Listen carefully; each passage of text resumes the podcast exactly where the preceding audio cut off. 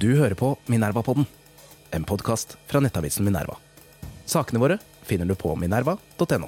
Minerva-podden er en podkast fra avisen Minerva. Det er gratis å lytte til Minerva-podden, men det er ikke gratis å lage avisen.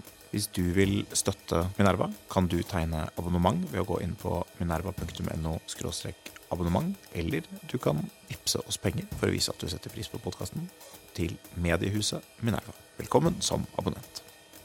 Hei og velkommen til Minerva-podden. Mitt navn er Nils August Andresen. Jeg er ansvarlig redaktør i Minerva. Med meg i dag har jeg deg, Sandra Krogh Bjerke. Velkommen. Takk. Hei. Hei, du er eh, Høyre-dame, så nå er vi på, på hjemmebane. Eh, Men vi er her for å ha en, en samtale som, eh, som jeg tror vi trenger mer av i Norge. Som jeg har gledet meg litt til, og gruet meg litt til, for det er en litt vanskelig samtale. Vi skal snakke om eh, den store transdebatten som har hjemsøkt vårt land eh, i noen år nå. Eh, Du er transkvinne. Eh, Og vi skal snakke om hvordan transdebatten kan bli bedre. Hvorfor den er så, så vond. Hva som er innafor, hva som er utafor, hva som er legitimt, hva som er vondt. Men før vi begynner med det, Sandra, så vil jeg gjerne høre hvordan du opplever transdebatten, og, og hva du gjerne skulle sett mer av i transdebatten, hva du gjerne skulle sett eh, mindre av i transdebatten, sånn at vi kan skjønne litt hvordan det ser ut fra ditt perspektiv. Ja, um, sånn som jeg opplever den nå, kontra sånn som jeg opplevde den før jeg kom ut. Så jeg kom ut i 2018. Um, og så kom jeg vel egentlig rett inn i et vepsebol, føler jeg. Ja, Det var omtrent da det begynte å eksplodere. Ja, men nå så mm, har det jo bare eskalert ekstremt mye. Og det ser vi også på statistikk som omhandler altså, transrelatert tematikk eh, på sosiale medier. Så det ble lagt ut noe statistikk angående de siste årene. Og det er jo ikke bare dobling eller tredobling, men det er ekstremt mange tiganger. Eh, så Av, omfang? Av, ja, av, av omfang, ja. Antall eh, Twitter-innlegg spesielt, som ble vist til. Eh, sånn generelt så opplever jeg det som at det er et overdrevet engasjement fra ekstremt mange, som kanskje ikke er involvert i det hele tatt, eh, men har en eller annen tilsynelatende sterk mening om temaet. Og hvorvidt de har påtatt seg et ansvar, eller om de er berørt av det på en eller annen måte, utover det å være et medlem av samfunnet. Eh, Det vet jeg ingenting om. Men eh, fra mitt ståsted så virker det som et overdrevet engasjement. Altså, det er jo blitt en eh, Man, man ser jo hvordan enkeltsaker og enkeltspørsmål kan, kan få et veldig stort omfang. Det, nå Den siste uken så har jo hele Norge, mens det har vært kupp i Russland og andre ting, så har jo hele Norge snakket om et håndtrykk.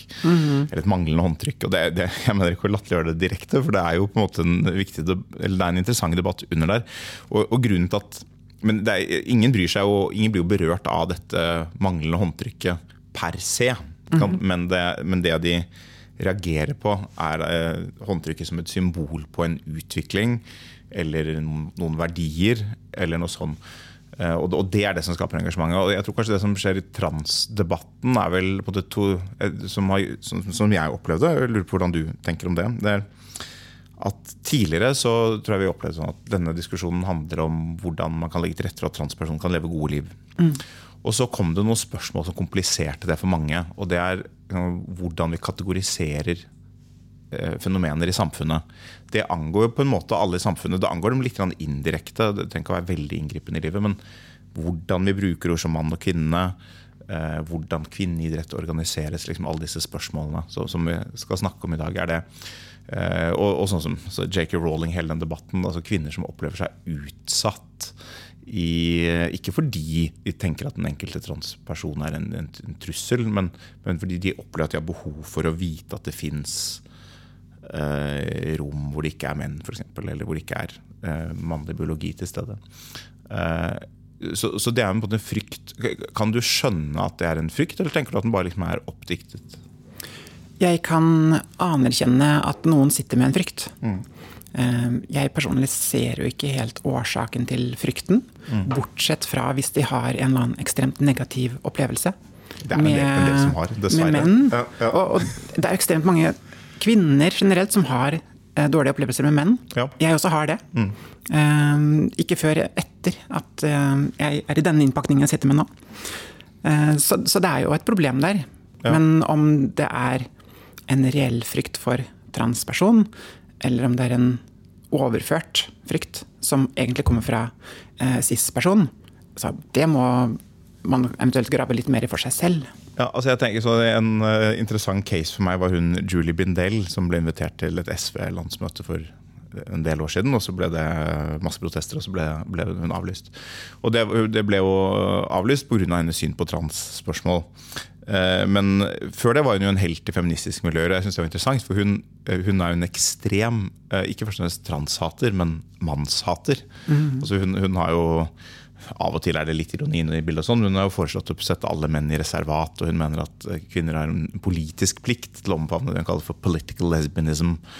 Eh, Altså Man kan ha hvilken legning man vil, men, men av politiske grunner så, så bør man ikke ha omgang med menn. da, En del sånne spørsmål. Og hennes Jeg kjenner ikke hennes, jeg mener ikke å le av det, for det, så det, det ligger jo et alvor bak her. Men, men eh, jeg, jeg tror at hennes historie handler jo om, også om traumer med eh, penis. Altså Det er mye fokus på, på penis. det, det er det hun hater.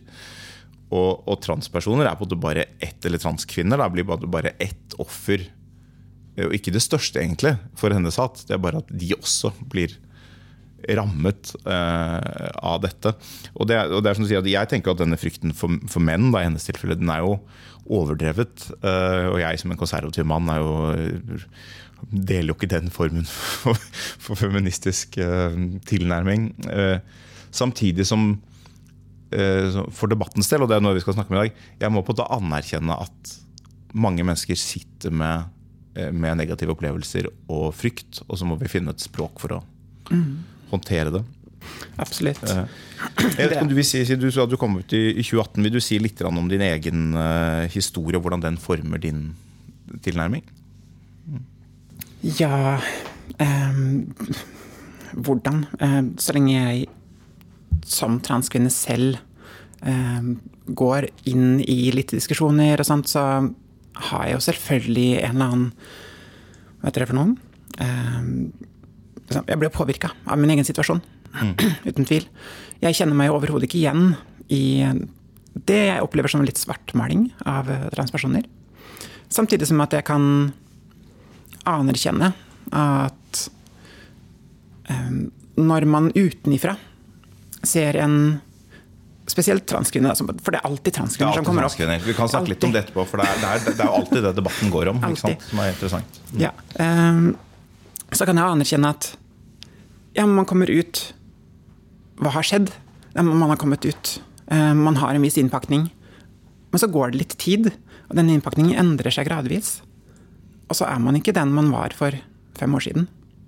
Så det handler om så mye mer enn enn bare innpakning også. Det er det som er på innsiden. Eh, Og det er det jeg prøver å få frem. At det er ikke, det er ikke bare innpakningen vi må ta hensyn til. Vi må ta hensyn til den personen som er på innsiden. Og det går jo da Kanskje den personen du nettopp nevnte, kjenner ikke til navnet fra før. Eh, Julie Bindel. ja, så ekstremt til verks i eh, ytringer og mange flere med henne. At du er fortsatt mann. Jeg har aldri vært mann. Kan jeg så møter en sånn argumentasjon med? Og så refererer jeg alltid til sånn, Tar det ned til et minste felles multiplum-sak eh, og graver seg ned i biologi, og så viser det seg at vitenskapen den støtter jo biologien når det gjelder kjønnsidentitet, f.eks. At den er ikke bare psykologisk, den er biologisk, altså. Men så kommer vi inn på så mye detalj og flisespikking at man mister kanskje hovedfokus på det store problemet. Og det jeg ser som det store problemet, er den derre polariseringen. Så man splitter eh, kvinner inn i to kategorier. De som er født biologiske kvinner, som man kaller det så fint, og de som ikke er det. Eh, Cis-kvinner, transkvinner. Og nå er det noen som kommer til å hate meg fordi jeg bruker ordet cis, men det får de bare tåle. Jeg kan si, altså, min, eh, min tilnærming til dette er jo litt sånn at jeg, eh, jeg har prøvd, prøvd å sette meg inn i dette, disse spørsmålene fordi de har dukket opp i samfunnsdebatten, sånn som man gjør som journalist. Det er klart at Jeg lever jo ikke tett på dette, jeg prøver, men jeg prøver å lese forskning, jeg prøver å forstå argumentene. Um, og jeg er ganske usikker på en del av spørsmålene. Mm. Jeg vet ikke jeg, jeg, og, altså noen, noen, ting er normative spørsmål, som på en måte er van, normative filosofiske spørsmål som er, som er ganske vanskelige. Og så er det både noen spørsmål som har en empirisk komponent. Og, og, det jeg ser på som utfordring, en utfordring der, er at ofte så er det eh, for dårlig datagrunnlag. Så det er på en måte vanskelig å konkludere. og sånn sett er jeg åpen for at Det kan godt hende at jeg mener noe annet om 15 år enn jeg mener i dag. Uh, men det gjør at én viktig ting for meg i dag, det er på en måte å bevare et rom for samtalen. Fordi jeg føler at det er mange ting som, som, vi, som mange av oss i hvert fall ikke vet godt nok, og som kanskje ingen av oss uh, vet godt nok. Og som vi dermed på en måte må, må finne ut hvordan vi snakker om. Og det, det kan vi, ta, vi kan begynne med det det, det, du sa nå, for Et av de overgripende tingene, dette med inndelingen av, av kvinner, altså forholdet mellom kjønnsidentitet og kjønn, mm. Eh, det er jo et grunnleggende spørsmål her. Jeg skrev en artikkel for en tid siden som, hvor jeg skrev at både slagord om at transkvinner er kvinner, tror jeg har vært med på, å lage litt av den polariseringen. Fordi, fordi det slagordet kommer i hvert fall før det er noen enighet om akkurat hva det betyr. Eh, og for min del er det sånn, det er i veldig, veldig mange sammenhenger helt uproblematisk å si at transkvinner er kvinner. Men så kan det finnes noen sammenhenger hvor, hvor jeg ikke er sikker på om det er uproblematisk. Og da, er måte, da, må ha, da må man vite at man har tilgang til et konseptuelt apparat et språklig apparat for å snakke om de, om de situasjonene.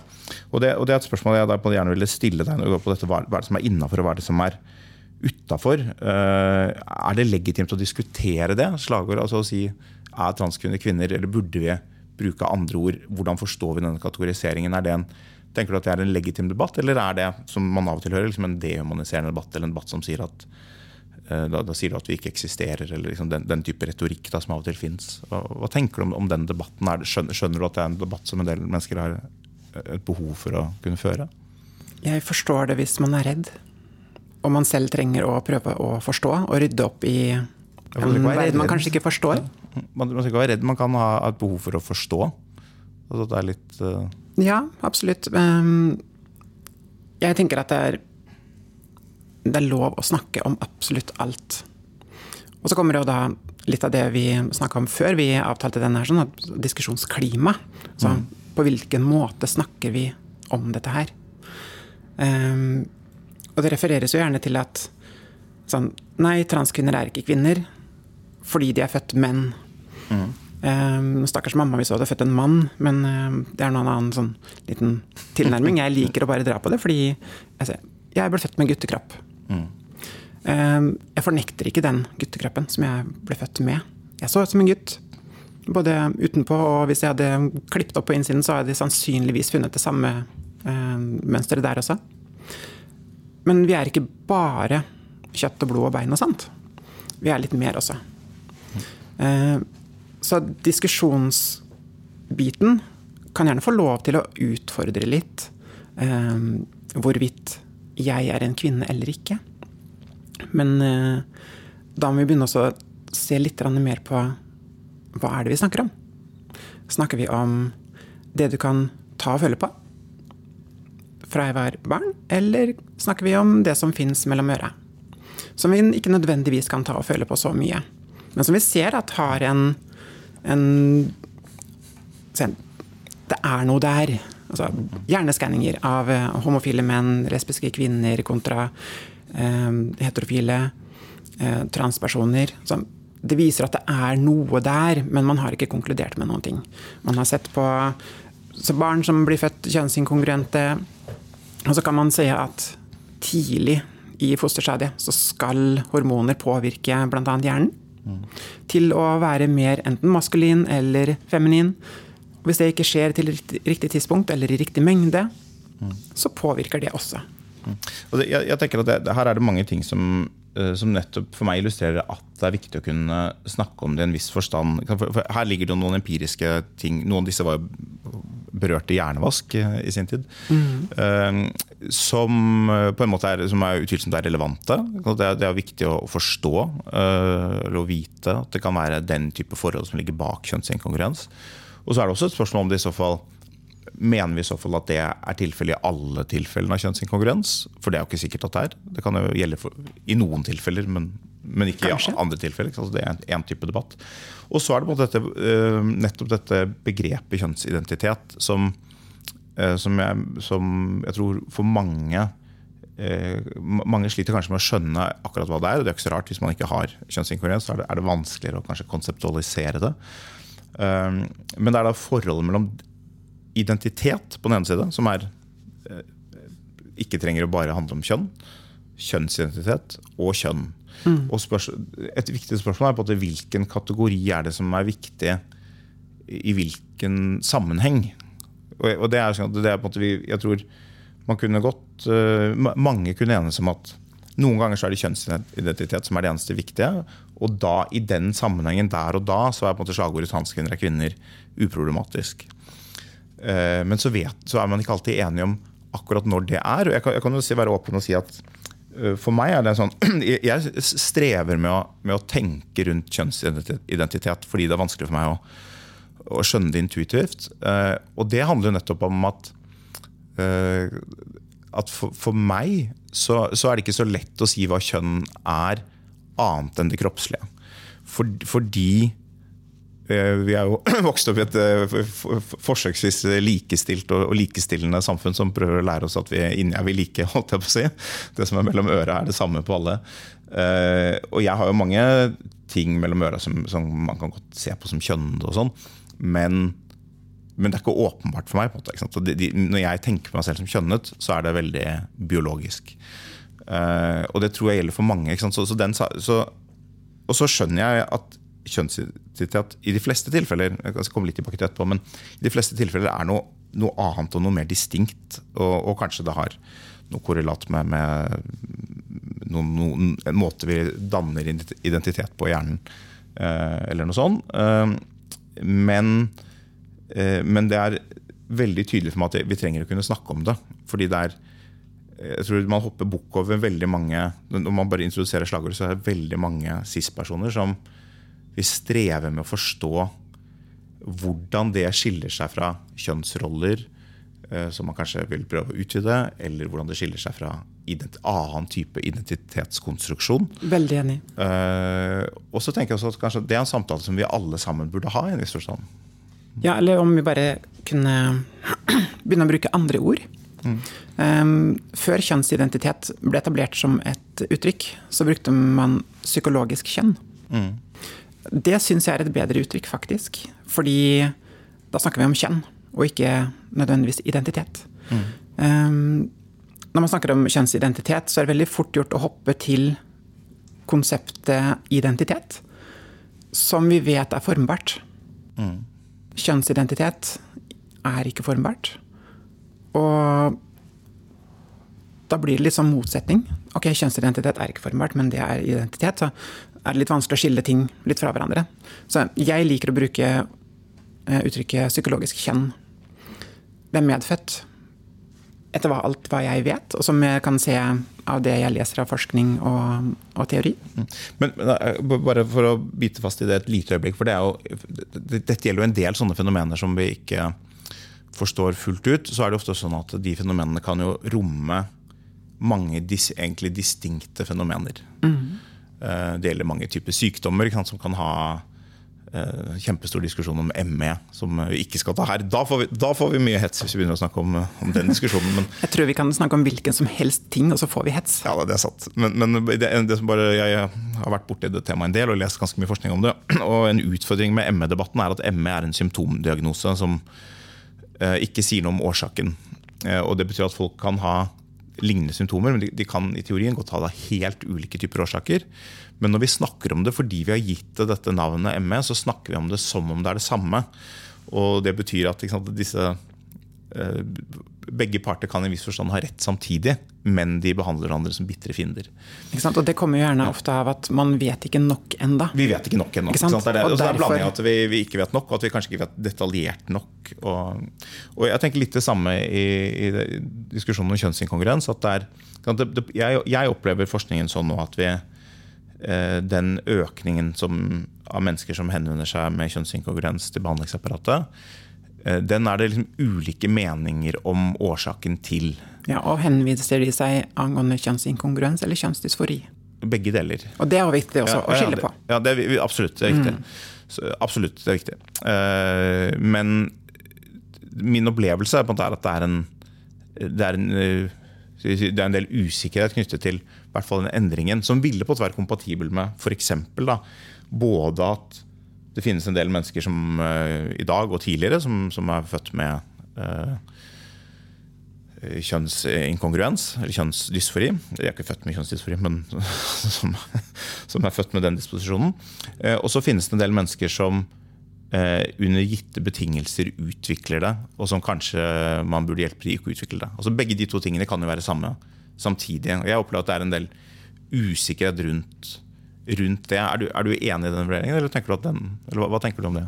Prøv å repetere det en gang til. Ja, at, min opplevelse er at hvis man ser på fagfolk i dag, så er de jo uenige, og det er et veldig politisert felt. Men det er i hvert fall en god del fagfolk som, som, men, som er usikre på årsakene til økningen i antall mennesker som henvender seg til behandlingsapparatet.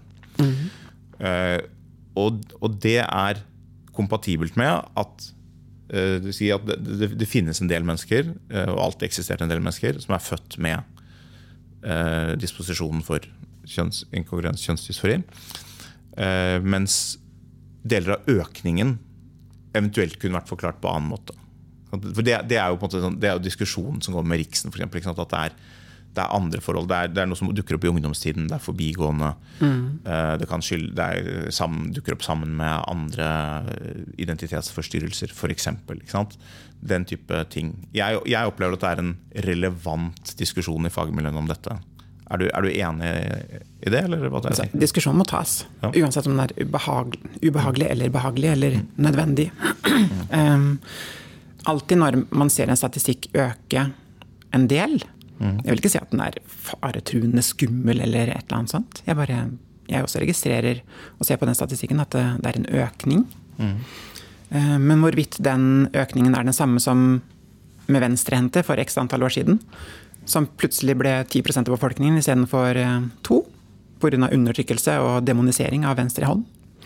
Eh, og de, disse menneskene da, som kommer til ja, det, det, er mulig, det, er mulig. Det er bare, men det, er det jeg mener, det er usikkerhet. Ikke sant? Ja. Mm. Kommer de pga. underliggende kjønnsinkongruens, eller kommer de pga. kjønnsdysfori? Altså, det kan være tidlig utvikling av kropp, som bare 'dette er ubehagelig fordi at jeg er tidligere utviklet enn mine andre på samme trinn'. Eller er det andre ting som Det kan være traumatiske ting vi snakket om i stad. Altså, har det vært et overgrep, eller hva, hva er det som trigger dette? Det er absolutt viktig å finne ut av. Eh, og da begynner vi å komme litt inn på helsevesenet og hva slags tilbud som finnes der. For mennesker som trenger denne oppmerksomheten. Du, det skal vi komme tilbake til med helsevesenet eh, som en stor bolk. Men jeg tenkte vi skulle først ta, ta en annen bolk av noe av det som er mest omstridt. Nå har vi snakket om begrepene. Eh, transkvinne, kvinne, kjønnsidentitet, eh, annen identitet psykologisk kjønn og kjønn. Ehm, vi snakker litt om Noen av de mest omstridte punktene handler om hvordan samfunnet håndterer dette. Det, er, det, kan være i form av diskusjoner om juridisk kjønn. det kan være En av de mest betente debattene nå handler om idrett. Hatt debatter om garderober, svømmehaller, liksom den type ting. Um, uh, voldtektsmottak, uh, soning. Det har vel vært de, de som oftest dukker opp. Uh, og det er jo da det de har til felles, at det er det er områder på samfunnet som, som, det ikke er så veldig mange av, men det er de områdene der staten opererer med Staten, eller av og til andre, av og til private også, men det er, hvor samfunnet opererer med et kjønnsskille som både har noen slags juridiske eller semijuridiske konsekvenser. Uh, I gamle dager var det jo veldig mye flere. Da var, jo, da var det mer orden på ting, og kvinner kunne ikke stemme og ikke arv. og Sånn, da, så da var det, så, men det jeg møtte med å si med det Kjempeorden, altså. Spøk til side. Det, er at Vi har gått i, en, i retning av at det er færre ting som reguleres etter kjønn.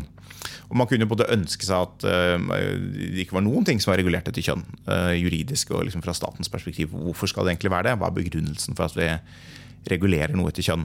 Men så er det noen områder igjen hvor, hvor vi gjør det. Og da har det jo typisk en eller annen Eh, og tidligere verneplikt var jo et viktig, viktig forhold i så måte. Mm. Uh, uh, men nå er det, det er stadig færre. Men de som er igjen, når, de ikke er opphevet, måte, så er det jo typisk begrunnet i en eller annen form for biologisk eller semibiologisk eh, begrunnelse. Av og til er den kanskje mer kulturell, men, men det, er, det, er, sånn det oppleves. Og det er disse tingene som er igjen. og Derfor er det stridsspørsmål som er blitt veldig viktig, bl.a. i, i denne J.K. Rowlings-debatten. Og jeg, jeg tror nok at diskusjonen om begrepsbruken kjønn, kjønnsidentitet, kvinne, transkvinne, er transkvinne kvinner, den henger jo litt sammen med dette feltet med hvordan vi kategoriserer i samfunnet. fordi spørsmålet er eh, har kvinner da, som J.K. Rowling eller Maya Forstater sånn, har de på en måte rett til å si eh, dette rommet er bare for kvinner, og med det mene biologiske kvinner. Og For dem har jo vært voldtektsmottak vært kanskje særlig viktig, men så er det debatten om idrett. Eh, jeg tenker at denne diskusjonen egentlig kunne vært håndtert litt uten den store filosofiske begrepsdebatten. Kunne vært veldig konkret fra case to case. Sånn ser det ut i friidrett, sånn ser det ut i fengselet. Liksom, men, men, eh, hva tenker du om denne debatten? Hva, hva, er det som er legitimt her? Er det, er det legitimt å, å, skille på Det var Nicholas Sturgeon, skotske statsministeren, som måtte, eller førsteministeren måtte gå omtrent på dette spørsmålet, hvor hun ikke helt klarte å svare på om transkvinner er kvinner i konteksten soning for sedelighetsforbrytelser. Ja. Akkurat dette med forbrytelser og fengsel, f.eks., så syns jeg det Det hadde vært litt gøy å lage en liten regel. Bare, vet du hva, Hvis du begår overgrep eller en eller annen kriminell handling før du kommer ut, så soner du som det du var i samfunnet da. Ehm, det er veldig gøy å kunne ha sånne harde, bastante meninger og sette veldig tydelige linjer. Men jeg tenker at kanskje disse menneskene som begår overgrep, egentlig ikke burde sone med andre i det hele tatt. Det er ikke så lett. Kanskje de burde sone alene? Altså, hva vet vel jeg? jeg... Ja, det, det, er jo da, altså, det, det, det, er veldig ja, isolasjon. men det, jo, jo, da, altså det kan man si. Men, men, men, anerkjenner du at det er, en, det er, noen litt krevende spørsmål her, eller tenker du at det er sånn At det er enkle spørsmål? Eh, det er overhodet ikke enkelt. Fordi en gruppe mennesker føler seg fysisk underlegen, mm. Så blir det jo en frykt. Det er sånn uansett. Mm. Og den frykten den må vi respektere uansett. Um, og hvorvidt denne frykten er reell i hvert enkelt tilfelle. Eller om det bare er en frykt man sitter med fordi for fem år siden så, så jeg ut som noe helt annet enn det jeg ser ut i dag. Jeg har en helt annen fysisk kapasitet i dag enn jeg hadde for typ fem år siden. Um, så har jeg også endret meg.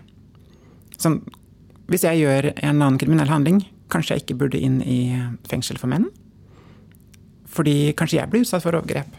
Ja, altså, så, så det, det, det, det syns jeg er viktig i den debatten. og det, det er det jo i og for seg en del som anerkjenner også. Altså, Kathleen Stock var på Oxford og snakket om det. At det er, det er åpenbart en en vesentlig ulempe uh, som bruker juridisk, vesentlig ulempe for transkvinner. Mm. Igjen så snakker vi om transkvinner, må, må si litt om dette på, men, men, for transkvinner å sone i et uh, herrefengsel Det er åpenbart en vesentlig ulempe for dem ikke å ha tilgang til elitesport. Altså det, det, gjelder jo selvfølgelig få, da, men, men, de som det er relevant for, så er det en ulempe.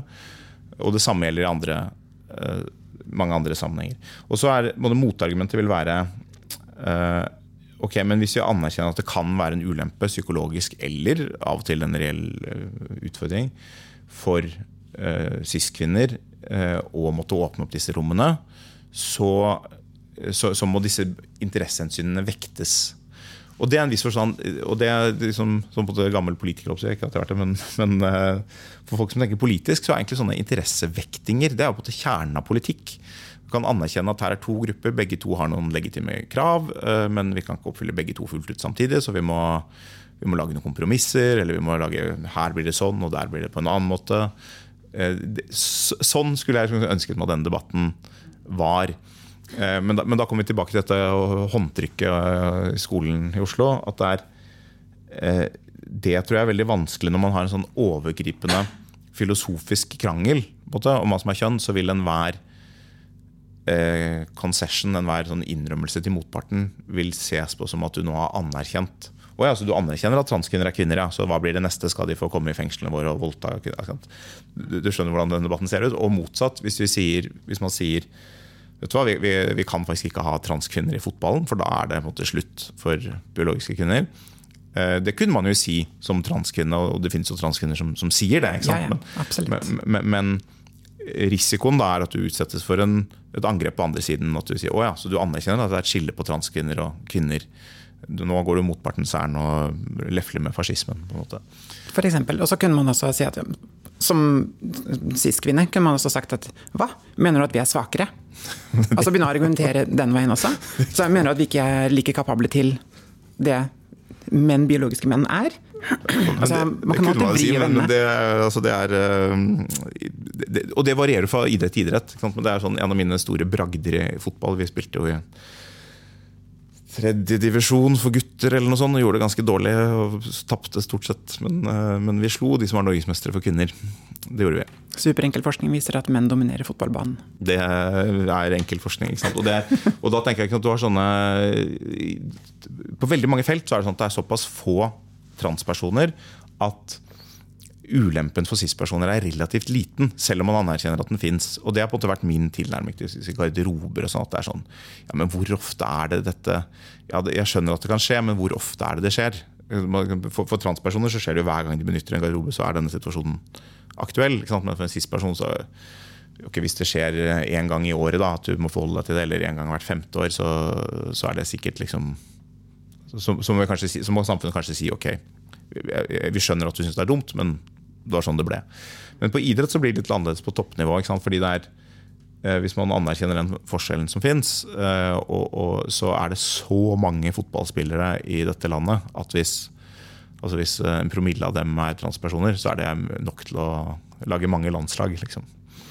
Det kan man si hvis man begynner å se sånn på det. Ehm, jeg liker alltid å starte med litt overordna synsvinkel. Sånn, la oss starte med inkludering mm. som en, et mål. Og så kan vi heller stille spørsmålet hva må til for å inkludere? Mm. Istedenfor hardt og bastant å gå på ekskludering. Nå har jo en del av idrett um, gått ut og sagt at enkelte forbund må ordne opp selv og sette mm. sine retningslinjer. Um, men at man som utgangspunkt uh, sier at vet du hva, det er sannsynligvis en fordel man drar med seg fra før behandling til gjennomført behandling. Jeg merker ikke så veldig mye til den fordelen sånn i det daglige når jeg blir eh, regelrett parkert av eh, mannlige syklister. Eh, og enkelte kvinner bare seiler litt forbi. Kanskje jeg som må ta opp treningsbiten min litt ekstra? Nei, men Man er vel typisk at man alle vil anerkjenne at altså, det er noe med testosteronnivåer sånn, at man vil jo havne under måte, biologiske menn, andre biologiske menn, men, men man vil havne over de fleste biologiske kvinner ja. i, en, i, en, del. Så varierer det jo fra idrett til idrett. Og, det varierer, ikke sant. Altså, Skeet-shooting, eller hva det heter for noe i USA, hvor ja. en kvinne dominerte for mange år siden. Ja. Og deretter ble det kjønnsdelt eh, klasse. Det morsomme er Den eneste idretten som i dag ikke er kjønnsdelt, er sjakk. Eh, men den er helt kjønnsdelt. Det er jo åpen klasse, men det er ikke noen eh, men, Hvis man starter med inkludering, i hvert fall som et mål, ja. så kan man sette retningslinjer for hva må til for at man inkluderer. Og det har jo nå vært en del forbund som har satt denne inkluderingsgrensen med gjennomført eh, pubertet eller ikke mm. for transkvinner. Mm. Og mm, det syns jeg er en, et godt utgangspunkt. Mm. Og så får vi se på da Er det, er det en rettferdig eh, grense? Eh, kan man si at ja, gjennomført pubertet, men ved en viss alder etter gjennomført pubertet? Eh, det skumle med denne diskusjonen, mm. det er jo Når blir en cis-kvinne så god at hun også blir korrigert? Ja, altså, og, det jo, og, det har jo vært en, den diskusjonen finnes jo i en viss forstand. fordi mm. det er jo mm. noe krav til uh, hormonnivåer og sånn i en del kvinneretter som som også gjelder for cis-kvinner, og som i og for seg går langt tilbake i tid. Mm -hmm. som er knyttet til doping, selvfølgelig, men, men som også um, kan ramme uten uten doping.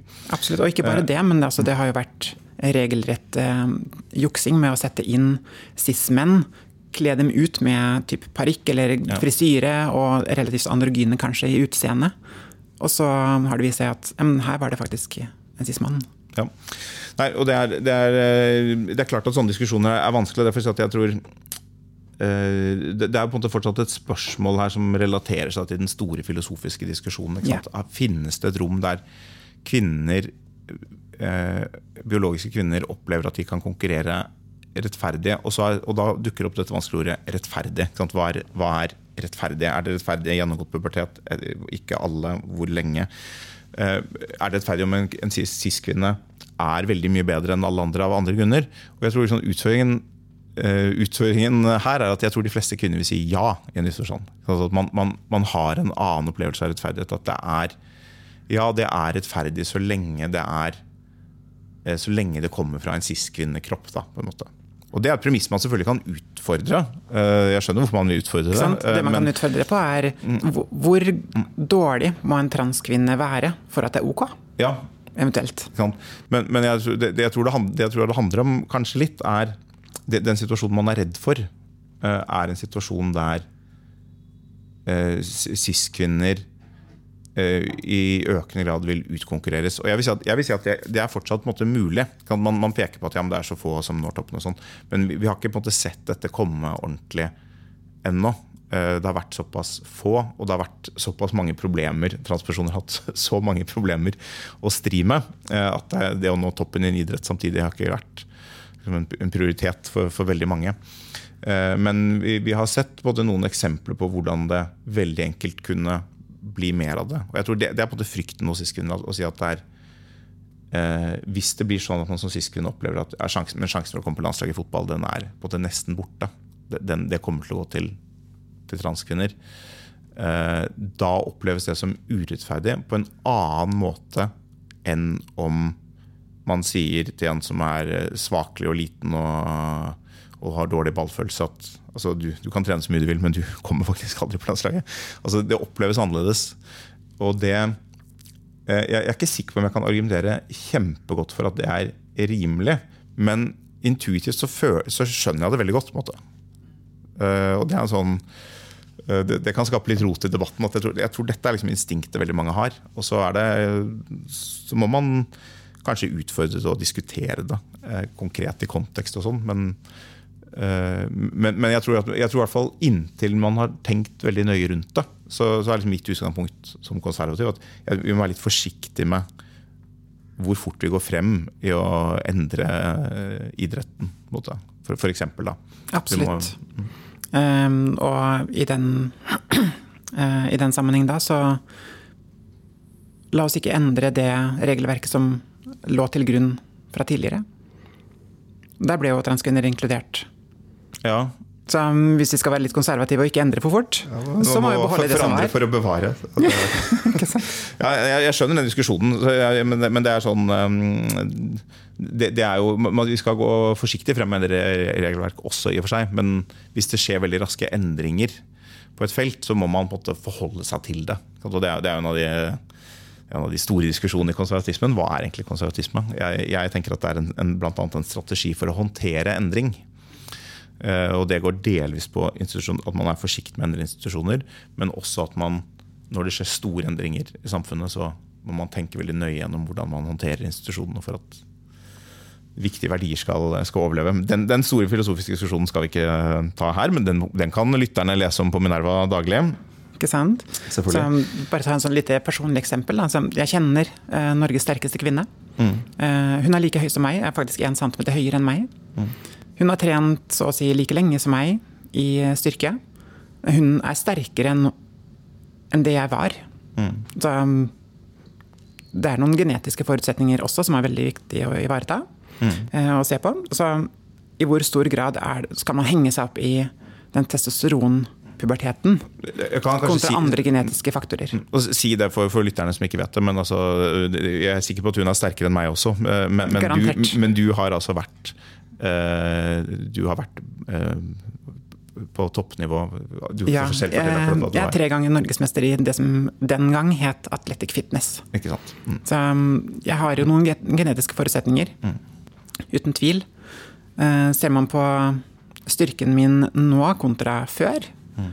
beinstyrke, da, for det er den jeg har jobbet for å ivareta, mm. så er den nesten halvert.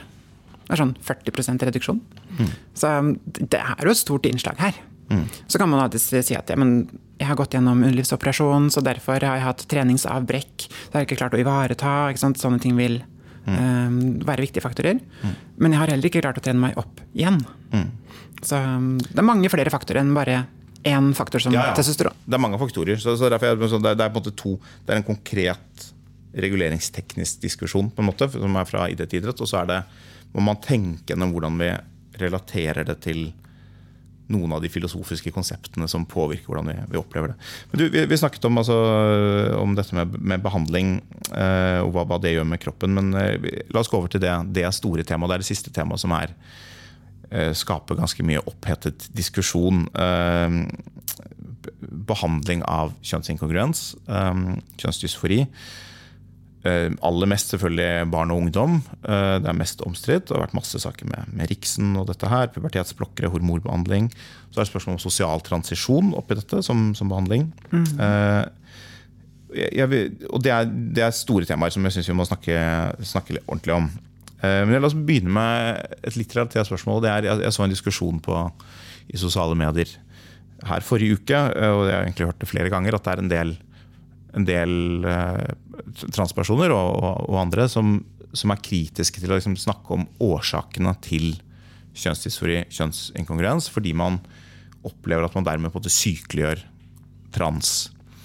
Uh, og det er et spørsmål er det, er det en legitim debatt? Er den debatten innafor eller utafor? For det er sånn typisk for meg som kommer utenfra. Jeg er alltid veldig opptatt av, jeg er alltid veldig opptatt av hvorfor-spørsmålene eh, i politikk og i samfunnet. Vi, det er når vi, vi har en idé om hvorfor, så kan vi begynne å tenke på hva vi, hva vi kan gjøre. Ja, vi bør starter gjøre. alltid med hvorfor. Jeg er helt enig. Eh, Nå jobber jeg som mentaltrener eh, en god del også. Så I den sammenheng så er jo et av mine viktigste spørsmål er hvorfor. Og jeg spør om hvorfor helt til vi kommer ned til omtrent der en, en kunde sitter og skjelver fordi at den tør ikke å touche innom virkelige grunnleggende tingene. Ja. Så hvis ikke vi tør å snakke om årsak, så i hvor stor grad kan vi egentlig hjelpe mennesker som trenger hjelpen? Eventuelt forebygge. Og når jeg snakker om forebygge, så er det mange ting i samfunnet som vi prøver å forebygge.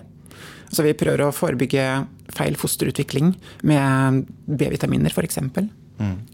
Fordi det er lettere å forebygge enn å reparere.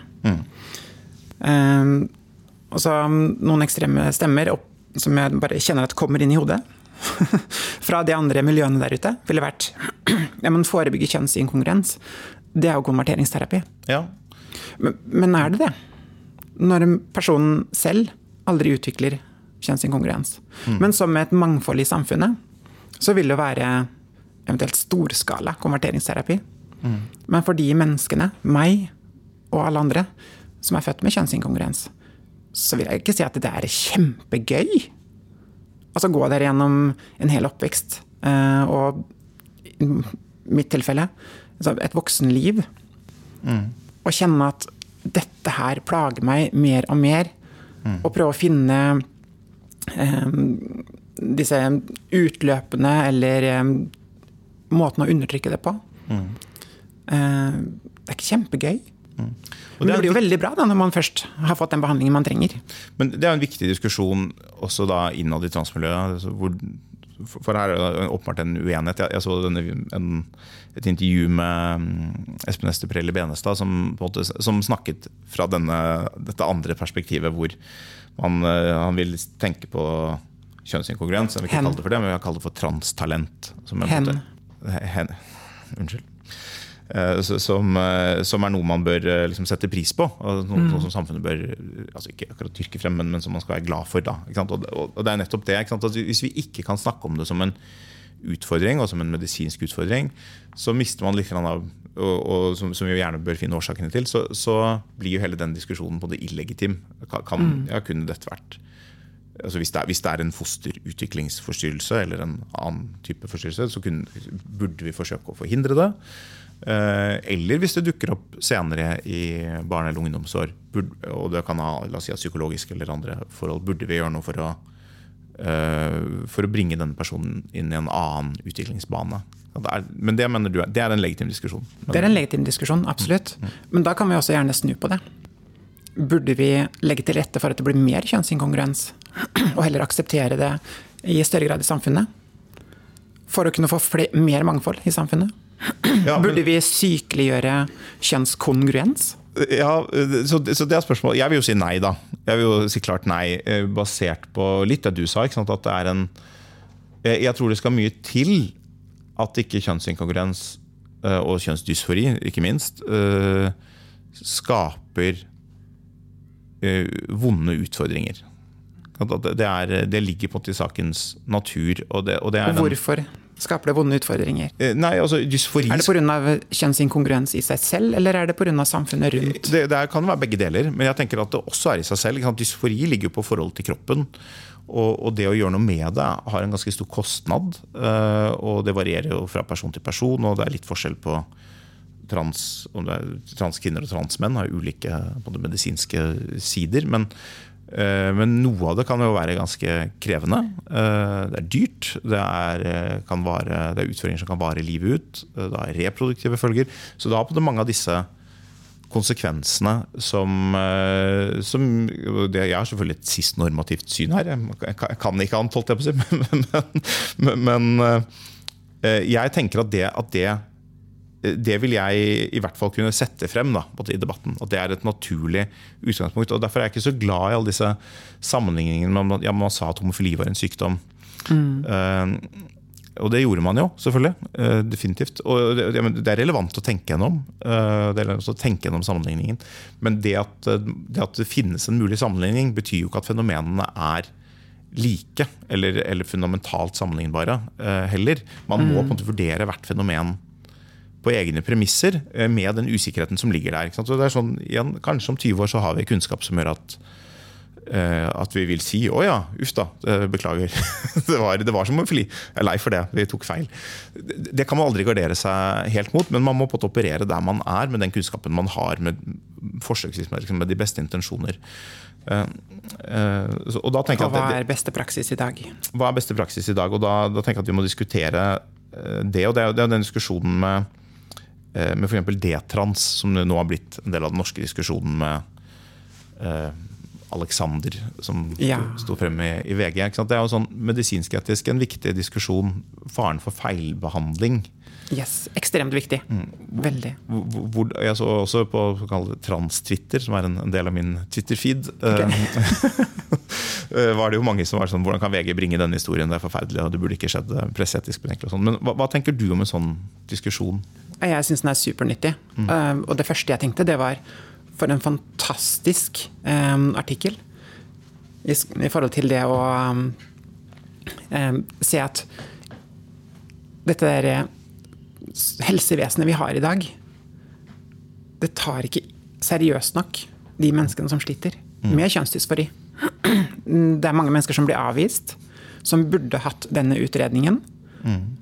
Og kanskje faktisk da, i Aleksanders tilfelle, funnet ut at du, det er jo ikke dette som er min greie. Det er ikke det som er- plager meg egentlig. Det er noe underliggende. Og det har jo da Alex funnet ut av selv. Over tid. Dessverre ekstremt seint. Og deretter gjennomgått kirurgiske inngrep på eget initiativ. Dette kunne vært forhindra med et eh, behandlingssystem, utredningssystem, som hadde vært mye mer lavterskel å komme inn i. Men ressursene finnes ikke der. Sånn, det avvises fordi at jeg har ikke kapasitet. Så derfor tar de de kalde gåsetegn eh, klare tilfellene. Jeg var et av de klare tilfellene i en voksenutgave. De utgavene fins også i barneutgaver. Men hva med disse andre da, som eh, sliter? Som ikke nødvendigvis er født med kjønnsinkongruens, men de har kjønnsdysfori av en eller annen årsak også. De skal jo ikke gå gjennom behandling, selv om de kanskje tenker og tror at det vil være løsningen der og da. Jeg, jeg, så en eh, video med en amerikansk influenser, uh, transinfluenser, som, eh, eh, som også åpent sto, fre- sto frem med eh, autisme, eller på autismespekteret. Mm. Og en del av denne influenserkanalen. Eh, og det, er- det er jo et interessant case, fordi det går jo inn i den diskusjonen om Det er jo et overlapp mellom kjønnsdysfori, kjønnsinkongruens, og særlig autismespekteret. Også en del andre psykiske tilstander. Uh, og det som slo meg i, den, i, det hun sa for, jeg har på en måte ikke helt jeg har, ikke, jeg har, registrert at denne sammenhengen fins, og den er omdiskutert. Og noen sier man kan jo være trans selv om man er autist. og det er ikke noen motsetning og sånn. Men det som slo meg da hun snakket, eh, det var en transjente, det var sånn 17 år kanskje, var at hun fremstilte eh, sin kjønnsdysfori som et resultat av rolleforventninger hun ikke forsto. Altså det ble stilt forventninger til meg som gutt som jeg ikke, ikke kunne forstå. Mm. Eh, jeg skjønte ikke konseptene. Jeg skjønte ikke hva det var, hvorfor det var sånn det var. Uh, og det, jeg er ikke sikker på om hun både helt forsto kravene som ble, eller rolleforventningene til kvinner heller. Noe av dette handlet jo nettopp om at det var vanskelig for henne for å forstå relasjoner, forventninger, andres mentale tilstander. Um, og det er på en plausibel no, dette, dette, er, dette, er, jo anekdotisk, mm. uh, men det er i hvert fall et ekte tilfelle. Uh, men, men, det gir en slags forståelig, plausibel lenke mellom autisme og kjønnsinkongruens uh, som Eventuelt kjønnsdysfori. Eller dysfori. Ja, jeg, ja men, men, eh, Kanskje begge deler. Kanskje begge deler.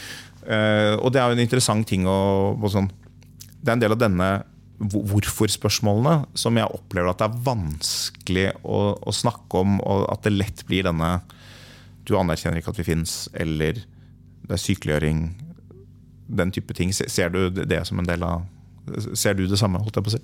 Mm. Um, hvis vi tar autismebiten først mm. så Jeg har jo vært klar over det i mange år. Um, og sett at det er en større forekomst av autisme blant kjønnsinkongruente. Altså mm. typ 25 omtrent, eller noe sånt. Uh, av kjønnsinkongruente har også autisme. I en eller annen grad. Mm. Um,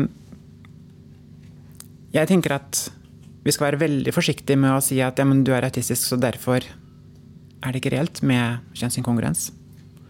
Sånn, uavhengig av om man er kjønnsinkongruent eller ikke, mm. men opplever kjønnsdysfori, så bør man jo få en eller annen hjelp. Ja, ja, ja. Mm.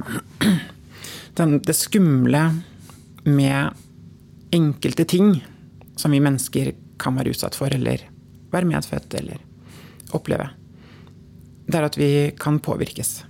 Som jeg anerkjenner det at enkelte mennesker kan utvikle kjønnsdysfori fordi de blir påvirket på en eller annen måte. Mm. Enten hva de opplever traumatisk, eller det kan være De forstår ikke, sånn som du nevnte i stad, jeg forstår ikke disse eh, rolletingene. Mm. Um, Så gir det dem en forklaring. Ja. Ikke sant? Mm. Og er det noe vi vet om autisme, så er det mønstergjenkjenning. Mm. Altså, sykt, sykt gode på mønstergjenkjenning i stor grad. Og um, det igjen kan være med på at man ser mønster med seg selv og kjønnsinkongruens. Mm. F.eks. Eller kjønnsdysfori eventuelt. Og da kan hende at det gjør at jeg føler større tilhørighet til dette, mm. enn at jeg er klar over at det er faktisk autismen i meg som gjør at jeg ser disse mønstrene. Samtidig må jeg være veldig forsiktig med å si at det kan hende, da. Sånn, det er ikke bare pga. mønstergjenkjenning.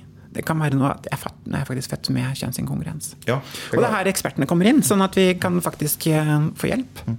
For det jeg tenker Når man ser en, eh, en stor økning, er på en måte at uh, i og med at denne forklaringen er blitt mer tilgjengelig, og, at, og utbredelsen av sosiale medier og kanskje en større grad av sånn kjønning eller kjønnsrolle aspekter ved det sosiale livet vi lever i digitalt, gjør at man både føler seg mer utenfor en større, større identitetspress. da, og på den annen side har større, det er mye mer tilgjengelig å velge dette. Det er kjønns... Å ja, det var trans som var svaret på disse mm. spørsmålene. Så, men hva tenker, er, hva, hva tenker, du er, de store utfordringene i, debatten vår om behandling eller behandlingssystemet? Du har sagt litt at det er mangel på ressurser og mer lavterskeltilbud. Men er det noe annet du tenker, hva er det du tenker er de store spørsmålene i, i behandlingen? Fulgt med litt. De, en god del. Ikke litt. De siste fire-fem årene, så Unnskyld. virker det som om um, Kapasitet er kanskje en av de store flaskehalsene akkurat nå. Mm. Også når det gjelder bare å komme inn til utredning. Det gjør at uh, mange tar saken i egne hender. Mm. Istedenfor å få en ekspert til å faktisk uh, se på seg uh, og snakke med seg. Uh, komme innom temaer som kanskje er viktig, samtaler som er viktig. Mm. For å kartlegge om er dette bare autisme, er det psykose, er det traumer, er det mm er det faktisk kjønnsinkongruens. Mm. Vi må tørre å snakke om det også. Så vi ser jo resultatet i form av f.eks. For Alexander. Mm. Um, og det er jo ikke bare Alexander, det fins flere. Mm. Og jeg vet at mange andre transpersoner mm. sikkert har lyst til å slå av mikken min akkurat nå, fordi jeg tør å snakke om det. Mm. Men hvis jeg ikke snakker om det Så snakker noen andre om det. Ja. ja. Jeg. Ja, det, det, det, ja. ja. det gjelder jo nesten alle ting. Hvis man ikke snakker om noe, så er det noen som Noen kommer til å snakke om det. Og det er spørsmålet hvem det er. Ja, og da, som, jeg har hatt en oppvekst, kommer litt tilbake til starten igjen, mm. som styrer meg litt. Og det er en vokste opp i en familie som ikke snakker om problemene sine. Mm. De, famili de, familieproblemene som var, det ble sånn hysje Nei, du er ikke gammel nok til å, at vi snakker om det nå. Eller sånn. Det ble alltid dyssa ned.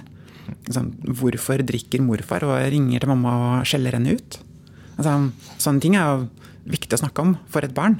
Mm. Ellers så blir det jo altså, Barn hopper gjerne til konklusjonen at det er jeg som er feil. Mm. Um, så nå som jeg har kommet ut, og jeg tør å snakke om ting, mm. så har jeg egentlig hoppa over på helt på andre siden. Men jeg snakker om alt. Mm. mm. Er, la oss ta det med barn og ungdom og hva man snakker om. Altså, en av de store spørsmålene er jo dette med pubertet. Vi var inne på det. altså Man har mm. gjennomgått pubertet eller ikke for idrett. og sånn, Så det er et viktig spørsmål, bl.a. av den grunn. for, for, for mm. transpersoner. Det er, det er, klart at det er en del ting som blir lettere hvis man begynner behandling før pubertet. Men, ikke bare noe. Det er mye. Men, men, samtidig er det noen store dilemmaer der. og Det er at det er, eh, det er mange som, eh, som Det er mange som vokser av seg kjønnsdysfori. Og Det kan være vanskelig å skille mellom vi skal kalle det, kjønnsinkongruens og kjønnsdysfori. Og det er en diskusjon om pubertetsblokkere. Um, hvor, hvor opprettelige eller ikke opprettelige er pubertetsblokkere. Og eventuelt andre inngrep som, som, noen ønsker å gjøre før pubertet. Kirurgiske inngrep og sånn. I USA så ser vi at det skjer, i hvert fall i, i forbindelse med tidlig pubertet. At man gjør kirurgiske inngrep gjør veldig tidlig. Det har jeg ikke sett. Ja, det, det, det, Man gjør f.eks. brystoperasjoner ned til 12-13 års alder. Um, og Eh, og Da dukker opp dette spørsmålet om det er uopprettelig. Det er klart at igjen så kobler dette seg på det store filosofiske spørsmålet. Er du egentlig et annet kjønn eller psykologisk kjønn? Går det egentlig an? Du har, du, har, den siden av debatten. Men hvis vi holder oss til temaet hva kan behandling gjøre for å gjøre livet bedre for den enkelte person? For jeg, jeg, jeg liker å skille disse temaene. Jeg tenker sånn jeg er usikker på, hva, på, på, på akkurat hva kjønnsidentitet er. Men jeg trenger ikke å konkludere med det for å si at målet for behandlingsvesenet, eller for, for, for medisinsk behandling, det er å gjøre livet til denne personen best mulig. Og da kan man si ok, det var eh, Hvis du hadde grepet inn da hun var to, så kunne vi kanskje Så ville kanskje det beste vært å få denne personen til å bli cis. Eh, men nå, nå, er det for seint, så da gjør vi det beste ut av det. altså det sånn, man trenger ikke å ha en formening om alle spørsmålene på en gang. Man må si hva kan vi gjøre som er best. Men det som er vanskelig med det som er spesielt vanskelig med, med barn og ungdom, er at vi, vi vet jo ikke alltid. Ikke vi vet ikke alltid hva som er best. Og så er det spesielt vanskelig at det, det, oppleves som verre, og det skal være verre mener jeg, for staten og for, og for leger. å aktivt eh, gjøre altså do no harm, liksom, aktivt gjøre noe som er skadelig. Eh, det er på en måte bedre å gjøre et inngrep for lite, selv om det er negativt. Men det går selvfølgelig en grense. ikke sant? hvis det er ok, du, du, gjør tusen liv bedre, men du ødela ett liv. Okay, mm. Kanskje vi må leve med det. Det det er en vanskelig diskusjon.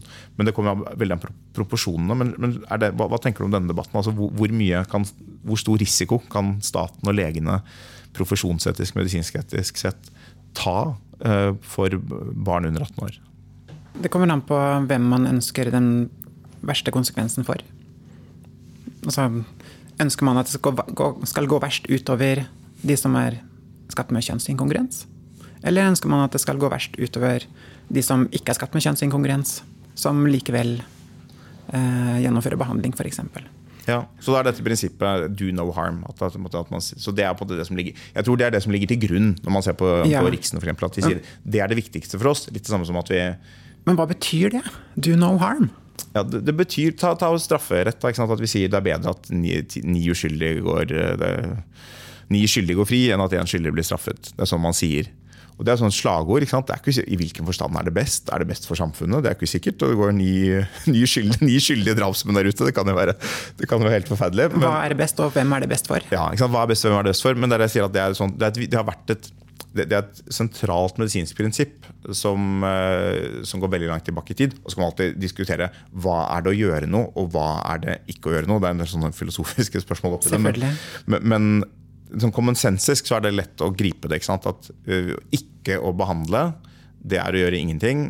Og det kan hende at vi må akseptere at en del personer som hadde hatt best av behandling, ikke får behandling, for å unngå at vi gjør stor skade ved behandling. Og jeg mener det er riktig. eh, Men, men, men at det, er, det, er en det er et kvantitativt spill. på en måte. Det spiller en rolle hvor mange som er på hver side. og Derfor er det veldig viktig å, å skjønne det best mulig. Sant? At er det, eh, hvor mange idétransere fins, og hvor mange Ikke bare hvor mange idétransere, fordi det er nok en del Hvis du først har gjennomført transisjon, så er det en del som aldri eh, ikke går tilbake, selv om de kanskje har tatt et uten. Så man må gjøre en vurdering av hvor mange av disse menneskene får et best liv hvis vi behandler. Og det må være en ganske tydelig overvekt. Og det jeg opplever som er en utfordring, er at denne faglige samtalen har blitt så utrolig betent. Det er, så, det er vanskelig å liksom forske på på D-trans. Det er vanskelig å forske på Det er mange sånne Det er så utrolig politiserte konklusjoner Eller altså ikke konklusjoner Debatten blir så, så vond for forskerne. Jeg kjenner jo dette fra jeg, jeg, Min bakgrunn det er ikke sant, men altså, jeg, holdt på veldig mange år i innvandringsdebatten. Eh, også liksom inn i, litt inn i akademia på det. Og ser hvordan, hvordan den politiseringen som skjer rundt feltet, gjør det utrolig vanskelig for forskere som ikke ønsker de ønsker jo ikke det. De ønsker å sitte der og lage noe statistikk og holde på. ikke sant? Og så, så møter det ekstremt sterke anklager, ofte fra to sider. Uh, uansett hva de kommer frem til. Og så blir uh, alle diskusjoner veldig preget av det. Og så er det en utfordring for oss i Norge, opplever jeg, at Eh, USA er eh, verdens viktigste land på det, veldig mange felt, også på forskning og også i transdebatten. Og transdebatten i USA vi kan jo synes den er polarisert her, men der er den jo på en der er den så mye mer polarisert, og den kobler seg oppå en eksisterende polarisering der alle temaer er polarisert langs samme akse. Så enten så er du du er for Trump, mot trans, for autoritært styre, for 6. øh, for, øh, mot pride. Liksom hele settet av øh, kanskje hvit, konservativ, kristen. Alle disse tingene liksom, på den ene siden. På den andre siden så er du sånn som de ser det selv, da, på den andre siden så er du et godt og tolerant menneske. Eh, og nesten alle akademikere plasserer seg selv i kategorien et godt og tolerant menneske. Og det å liksom komme med en konklusjon som, som blir plassert inn den, på den andre siden, det er smertefullt. Det er alltid. Ja. Absolutt. Um, jeg har lyst til å hoppe litt tilbake til den do no harm-greia. Ja, mm. Fordi det er viktig å anerkjenne at det å ikke gjøre noe for en transperson, det kan være å gjøre ekstremt mye skade. Sånn, for min del så har jeg gått gjennom denne puberteten og en del år i voksenliv. Um, uten at det gjør at jeg har det ekstremt ille nå. Jeg har ikke noen sånne kjempestore ting som sier at 'Å, der er transkvinna'. Mm. jeg går gjennom Karl Johan, og så ja, jeg er litt høyere enn snittet. Men utover det så er det liksom ikke så veldig mye som kanskje utpreger seg. Annet enn det jeg legger merke til selv. Um, jeg kan til og med være på date uten at uh, jeg har nødvendigvis sagt noen ting, eller at noen andre legger merke til noen ting. Men det betyr jo ikke at jeg fint kunne gå gjennom puberteten min uten å stoppe den. Eller at jeg ikke har behov for mer eh, behandling eller kirurgi. Som det å ikke behandle fører til ekstremt store konsekvenser for noen. Fordi de genetisk kommer til å bli så sterkt påvirket av testosteronet eller østrogenet at de får uopprettelig eh, altså utvikling, skjelettmessig eller andre ting. Ja, ja, det må man jo. Ikke sant? Og derfor vil det være stor skade for de å ikke gjøre noen ting.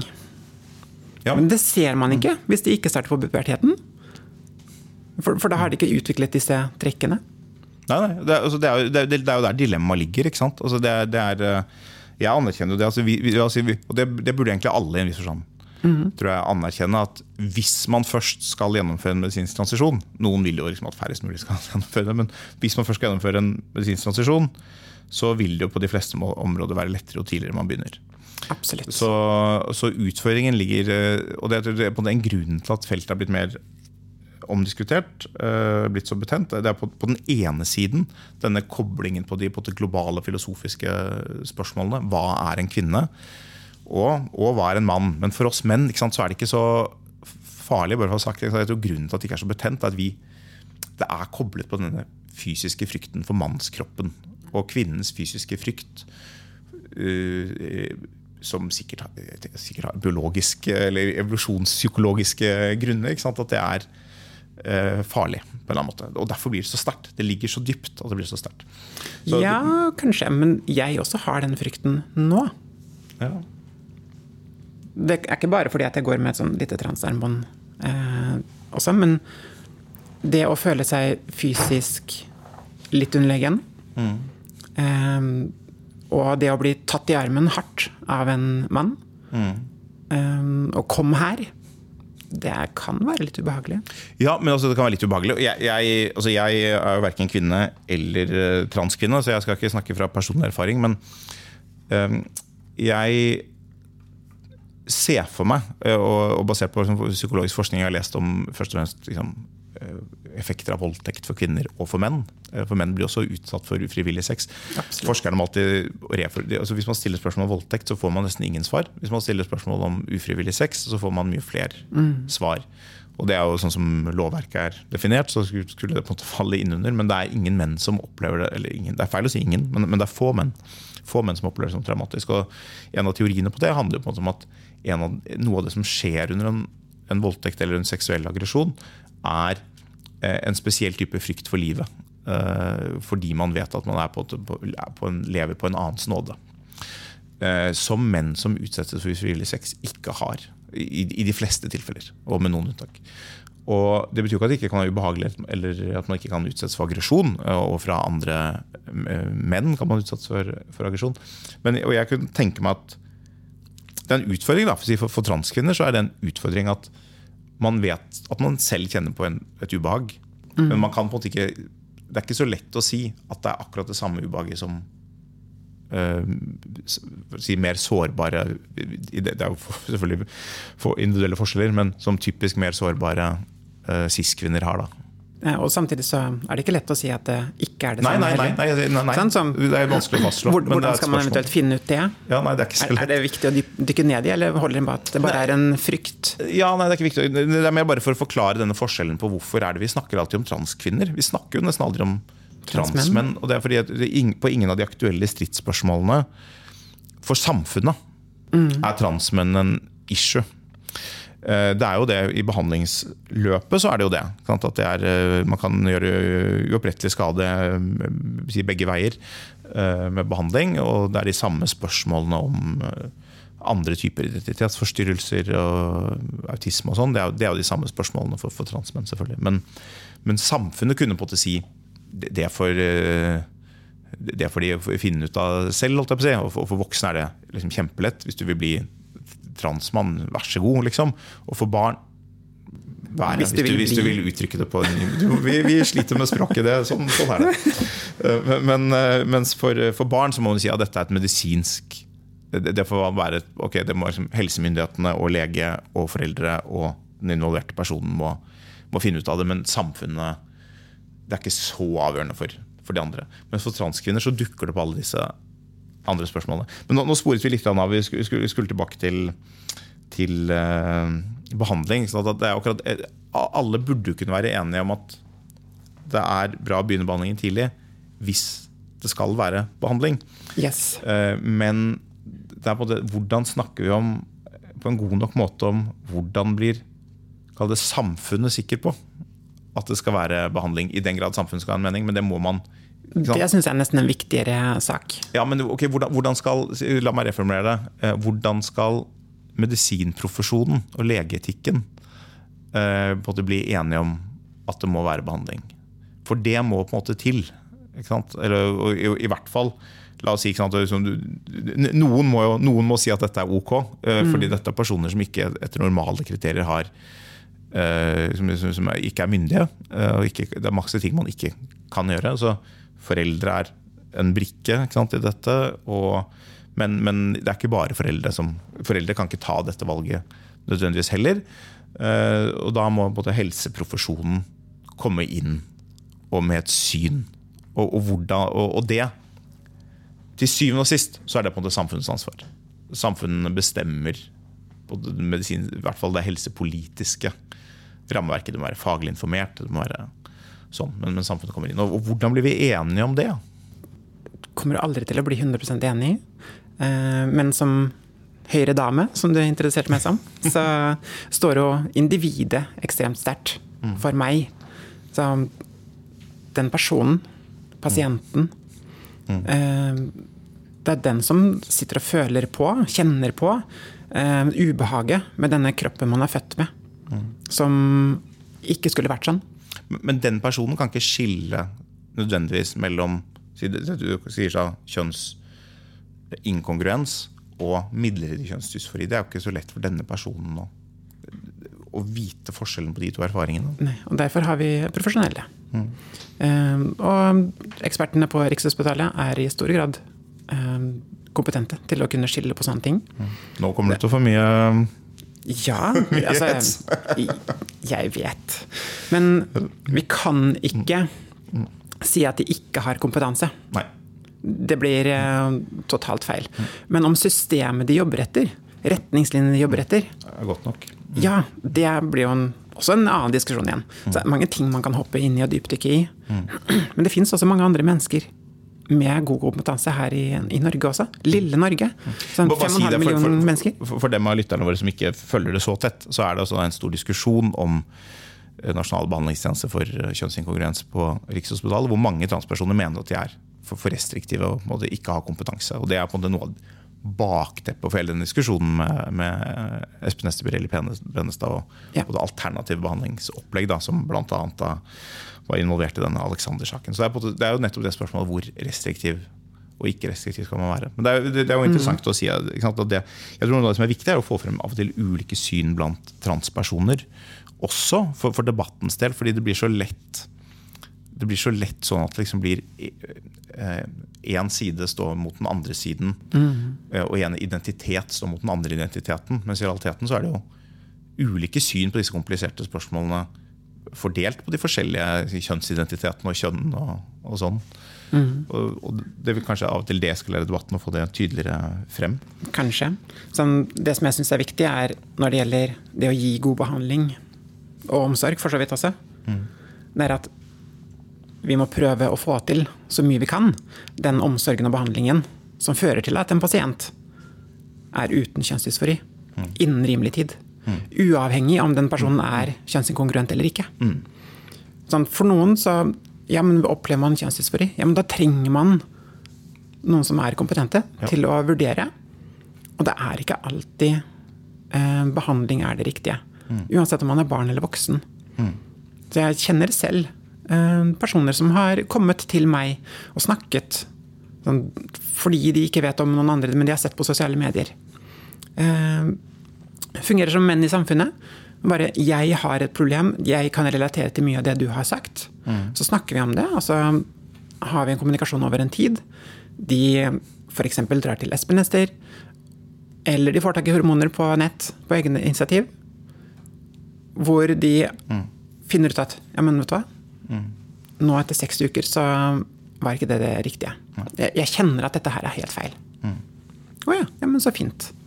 Um, det hadde sikkert vært enda bedre om den personen aldri hadde tatt saken i egne hender og fått tak i eh, medisiner uten eh, noen som helst utredning. men den finner ut. Kanskje den også blir kvitt sin egen kjønnsdysfori. Innen rimelig tid. Du, Sandra Krogh Bjerke, da har vi snakket gjennom eh, ganske mange temaer. Vi har holdt på en god stund. Det går an å snakke om disse temaene uten å bli sinte, ser det ut som. Jeg er fortsatt ikke, fortsatt ikke helt sikker på hva, hva jeg mener om alle spørsmålene, men jeg tror jeg er blitt litt klokere. Jeg håper lytterne er blitt litt klokere. Disse diskusjonene kommer til å være med oss i mange år fremover, så vi må få dem inn i alminnelige former. Det tror jeg er veldig viktig. Uh, og så vil jeg si jeg er veldig glad for, for, for at du kom. Takk for det. Jeg er veldig glad for at du er Høyredame. Og så vil jeg si til alle der ute i Høyre at det er Vi kan mene hva vi vil om trans, og det er greit, og vi må kunne diskutere det, men vi må, det kan ikke være, vi kan ikke la det skille oss, for vi trenger alle gode krefter for å kunne redusere formuesskatten. Uten tvil. Den er viktig. Så hør mer på pasienten. Det er også viktig. Unngå også dem. Også innad i partier. Det er, det er Så kanskje også, vi klarer å bli enige om formuesskatten også. vi må lytte til, til, til dem det angår. Det er alltid viktig. Det har vi gjort litt, litt i dag, Sandra. Tusen takk for at du kom. I like måte.